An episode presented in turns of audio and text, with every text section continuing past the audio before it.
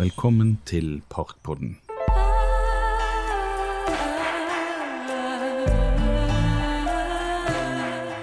Uh, Nygårdsparken har jo eh, alltid vært et eldorado å for unger. Og både, både sommer og vinter. Her har de kunnet leke og drive med forskjellige spill og sånt. Og det er jo faktisk blitt videreutvikla i våre dager når de har rehabilitert den øvre delen her med forskjellige apparater og klatrestativer og sånne ting.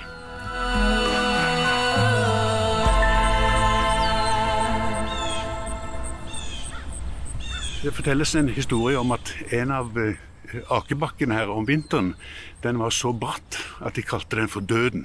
Ja. Og da jeg, en gang jeg var her, så var det en, en eldre fyr som fortalte at uh, uh, mor, mor, hans kom hjem en, en dag, bodde like nær nærheten her, og da lå det en lapp på kjøkkenbordet. Og da hadde poden skrevet på lappen 'Er i døden, kommer hjem til middag'. Begynte døden her med enhjørningen, eller var det et annet sted han begynte? Så, så vidt jeg vet, så var det rett borti her. Okay. At, de, at, det var en, en, av de bratteste bakkene i hele, hele, parken som vi kalte for Døden. Mm. Det er sikkert ikke så uvanlig å kalle, at, at unge kaller sånne bakker for Døden. Det fantes sikkert mange steder. Men det er nå litt, litt vittig allikevel. Nå går vi oppover til den øvre del av, av, parken. Og Det skal jo bli litt interessant, fordi det er jo den delen av parken som nå i de siste årene er blitt rehabilitert. Er det, er det kommunen som har um, satt opp de plantekassene, eller er det frivillige? Det er et prosjekt med introduksjonssenter for flyktninger sammen med ALF som har gjort det. Ja, okay. ja. Ja, nå har vi forflyttet oss i parken. Har vi gått fra, fra enhjørningen og oppover mot eh, det som vi vel må kalle for hovedinngangen til Nygårdsparken. Den, den, var jo veldig flott i sin tid med noen buede porter og lamper og, og sånne ting. Men det som er litt interessant her, det er jo at her kan vi se hvordan parken kommer til å bli når den blir ferdig utbedra. For i 2014 så begynte Bergen kommune å rehabilitere denne delen av parken med, med Langedammen her nede, med forskjellige kunstverk. Og nå på slutten oppe på det som vi kaller for Flagghaugen, med en del lekeapparater, klatrestativer og, og, og, og, sånne ting. Og kanskje det fineste av alt, en liten paviljong med, med, servering. Som, eh, som, er åpen sånn av og til. Og det høyner jo verdien av, av bruken av, av, av parken. Så her eh, bør man gi, gi, seg tid til å se på forskjellige sånne typer kunstverk som er laget her. Og, og, og ta i bruk eh, de forskjellige apparatene som, som, er. Og når det er fint vær, sånn som i dag, så er det jo bare herlig å gå og rusle her, i det, også i denne delen av, av Nygårdsparken. Men det som òg er jo så bra nå med den nye bruken, det er jo altså sånn som Eventyr i parken.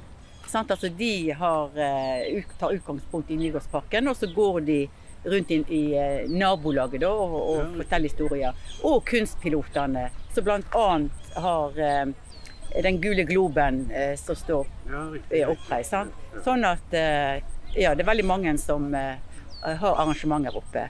Og i samarbeid med Historietog og Frivilligsentralen og kommunen. Uh, og, og, rett bak oss her hvor vi står nå, så har vi Langedammen der.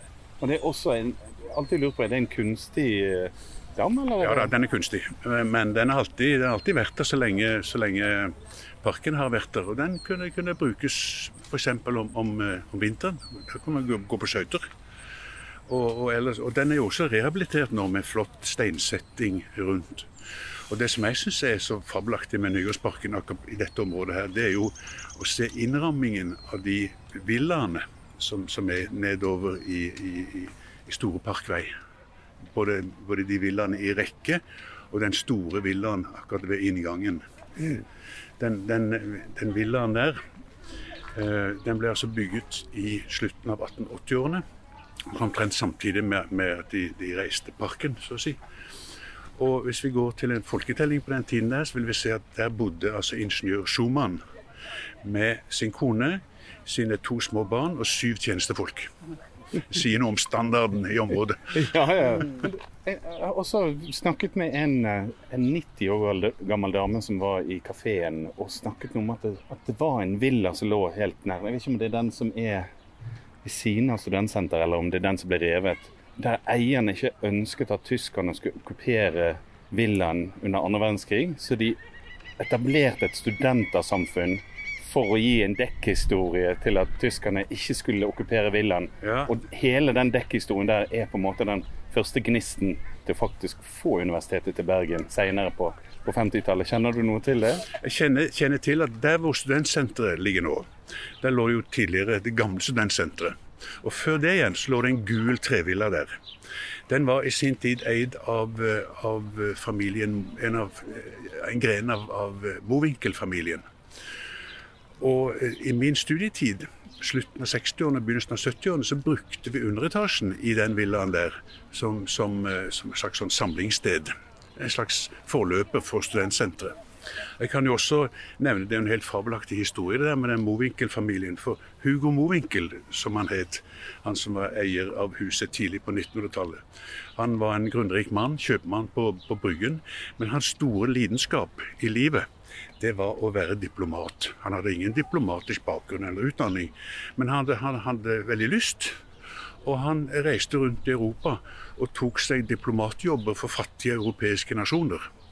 Og Hugo Mowinckel fra Parkveien i Bergen satt altså på Versailles-konferansen etter første verdenskrig og representerte Montenegro. Fantastisk.